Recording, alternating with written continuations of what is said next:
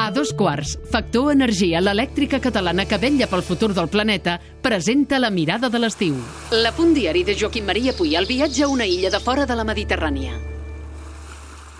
Bon dia, audiència. Avui fixem la mirada en l'illa de Cuba, al golf de Mèxic, entre Yucatán i Florida.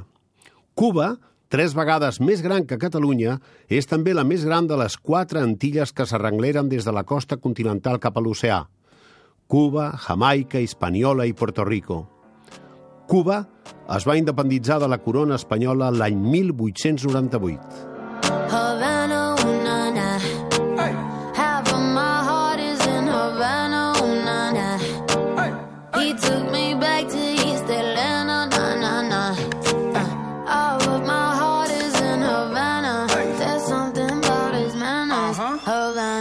Havana, és l'últim gran èxit de Camila Cabello, la cantant de 22 anys nascuda a Cojimar i que ara viu a Florida. L'Havana ens evoca una ciutat decadent, barrets blancs, grans cotxes atrotinats, bons cigars i molts malucs que es mouen. És probable que de totes les illes d'aquestes mirades, Cuba sigui una de les més familiars o conegudes pels nostres oients. Per tant, si aquests petits apunts que faig cada matí ja no tenen d'entrada la pretensió de descobrir res de l'altre món, avui encara menys. Més enllà de l'interès derivat de la situació sociopolítica associada al castrisme, no és difícil trobar entre nosaltres coneguts que tenen o han tingut relacions amb aquella illa.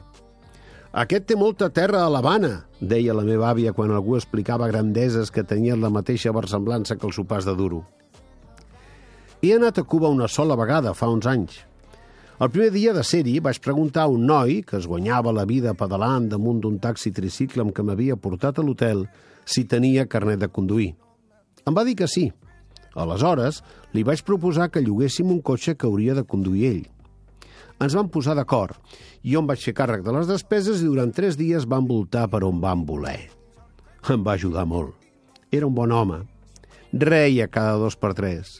I aleshores, quan obria la boca, aquella cara de pell fosca descobria la lluentor d'una dent d'or. Era molt fort i més aviat baixet. Jo li deia Tyson. La seva germana era metgessa i conèixer-la va ser molt interessant. Quan a la nit Tyson em deixava l'hotel, ell se n'anava a passejar la seva xicota en aquell cotxe nou. I al matí, quan venia a buscar-me, jo el feia passar al bufet de l'esmorzar continental de l'hotel. I en Tyson era feliç. Tant com jo amb ell. Un dia li vaig dir que volia anar a veure trens. La visita a la bonica estació central no va alegrar gens ni mica la meva ànima ferroviària. Però jo tenia interès a veure aquelles unitats 400 que, pintades grises i verdes fins a la fi del segle passat, havien fet servei en la nostra línia del Vallès i que eren conegudes aquí com a granotes. L'any 1998 els ferrocarrils de Cuba les havien incorporat a la seva xarxa precària per cobrir des de l'Havana un trajecte històric, el que l'any 1922 ja havia electrificat la companyia estatunidenca Hershey Chocolate Corporation per transportar el sucre que refinava fins a la badia de l'Havana.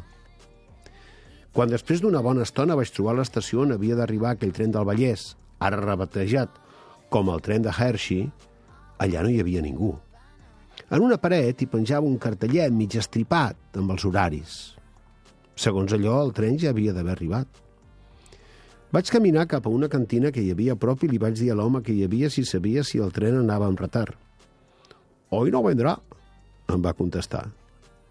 Li vaig preguntar per què i es van encongir d'espatlles. «I mañana?» vaig insistir. I l'home es va tornar a encongir d'espatlles. Això és Cuba.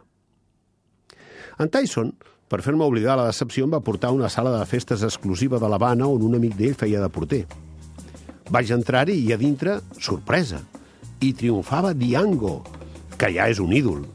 I ens ho vam passar molt bé amb la gent sana d'aquell país i la música de Compay Segundo. Va ser fantàstic. Allò també és Cuba. Alto Cerro voy para Marcané llego a Cueto voy para Mayarín. Ataque, Compay, ataque. De Alto Cerro voy para Marcané, llego a Cueto voy para Mayarín.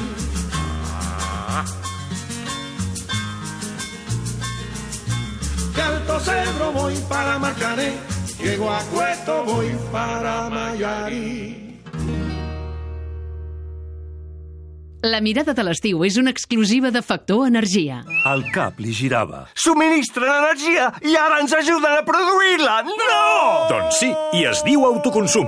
Instal·lació, finançament i autoconsum compartit. Comunitats de veïns, unifamiliars i empreses. Benvinguts a la revolució energètica. Factorenergia.cat Per fi hi ha un altre llum. Factor Energia. Empresa col·laboradora amb la Barcelona Equestrian Challenge.